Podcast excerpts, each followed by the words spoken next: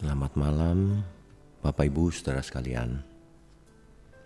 Malam ini, mari kita baca nas Alkitab berikut ini.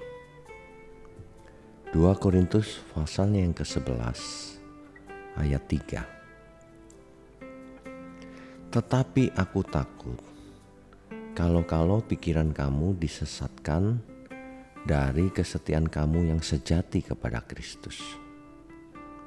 Sama seperti Hawa diperdayakan oleh ular itu dengan kelicikannya. Saudara, ini Rasul Paulus yang menulis dan ia takut kalau jemaat disesatkan oleh si ular itu. Sama dengan dahulu ribuan tahun yang lalu. Hawa berhasil disesatkan oleh iblis. Iblis ini kan bapak segala dusta, saudara. Jangan sampai kita hidup yang cuma satu kali ini diberi anugerah oleh Tuhan, diberi kesempatan untuk menjadi anak-anak Allah, tetapi kemudian tertipu oleh iblis.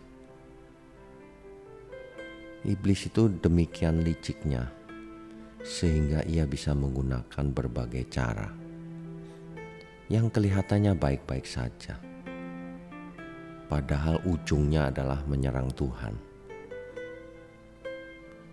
Sebab Tuhan menginginkan kita semua menjadi anak-anak Bapa di surga. Yang tentunya memiliki karakter yang berkodrat ilahi tentunya.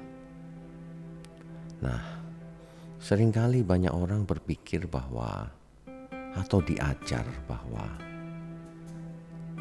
kalau kau percaya kau sudah selamat. Masalahnya bukan itu, kalimat itu benar tapi masalahnya adalah yang dimaksud percaya itu hanya percaya di otak. Hanya setuju bahwa Yesus Tuhan. Bukan itu yang dimaksud oleh Alkitab. Sebab kalau percaya Yesus Tuhan, setan juga percaya bahwa Yesus adalah Tuhan. Tapi setan tidak taat pada Tuhan Yesus, bahkan memusuhi. Hmm, jadi kalau saudara mengaku percaya, percayalah yang benar. Artinya imannya itu harus bisa dilihat orang lewat karakter, perubahan akal budi, segala apa yang dilakukannya untuk kemuliaan Tuhan. Hidupnya kudus, tak bercacat, tak bercela. Saudara jangan termakan oleh hoax yang dihembuskan oleh iblis. Kamu sudah selamat, kan sudah dibaptis kamu sudah Kristen ya sudah tidak usah berbuat baik ini pasti cara-cara iblis untuk melemahkan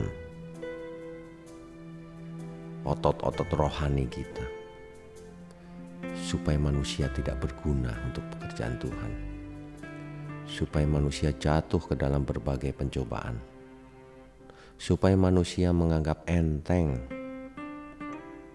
sepak terjangnya iblis.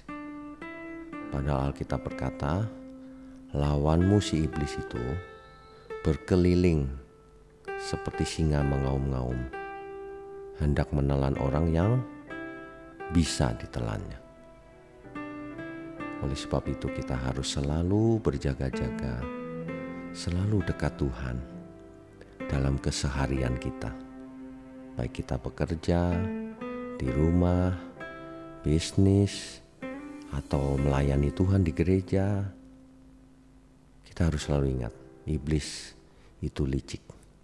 Kita harus berjaga-jaga, menjaga kekudusan, dan bergantung kepada Tuhan. Demikian saudara, kebenaran malam ini. Selamat beristirahat. Tuhan Yesus memberkati kita semua. Amin.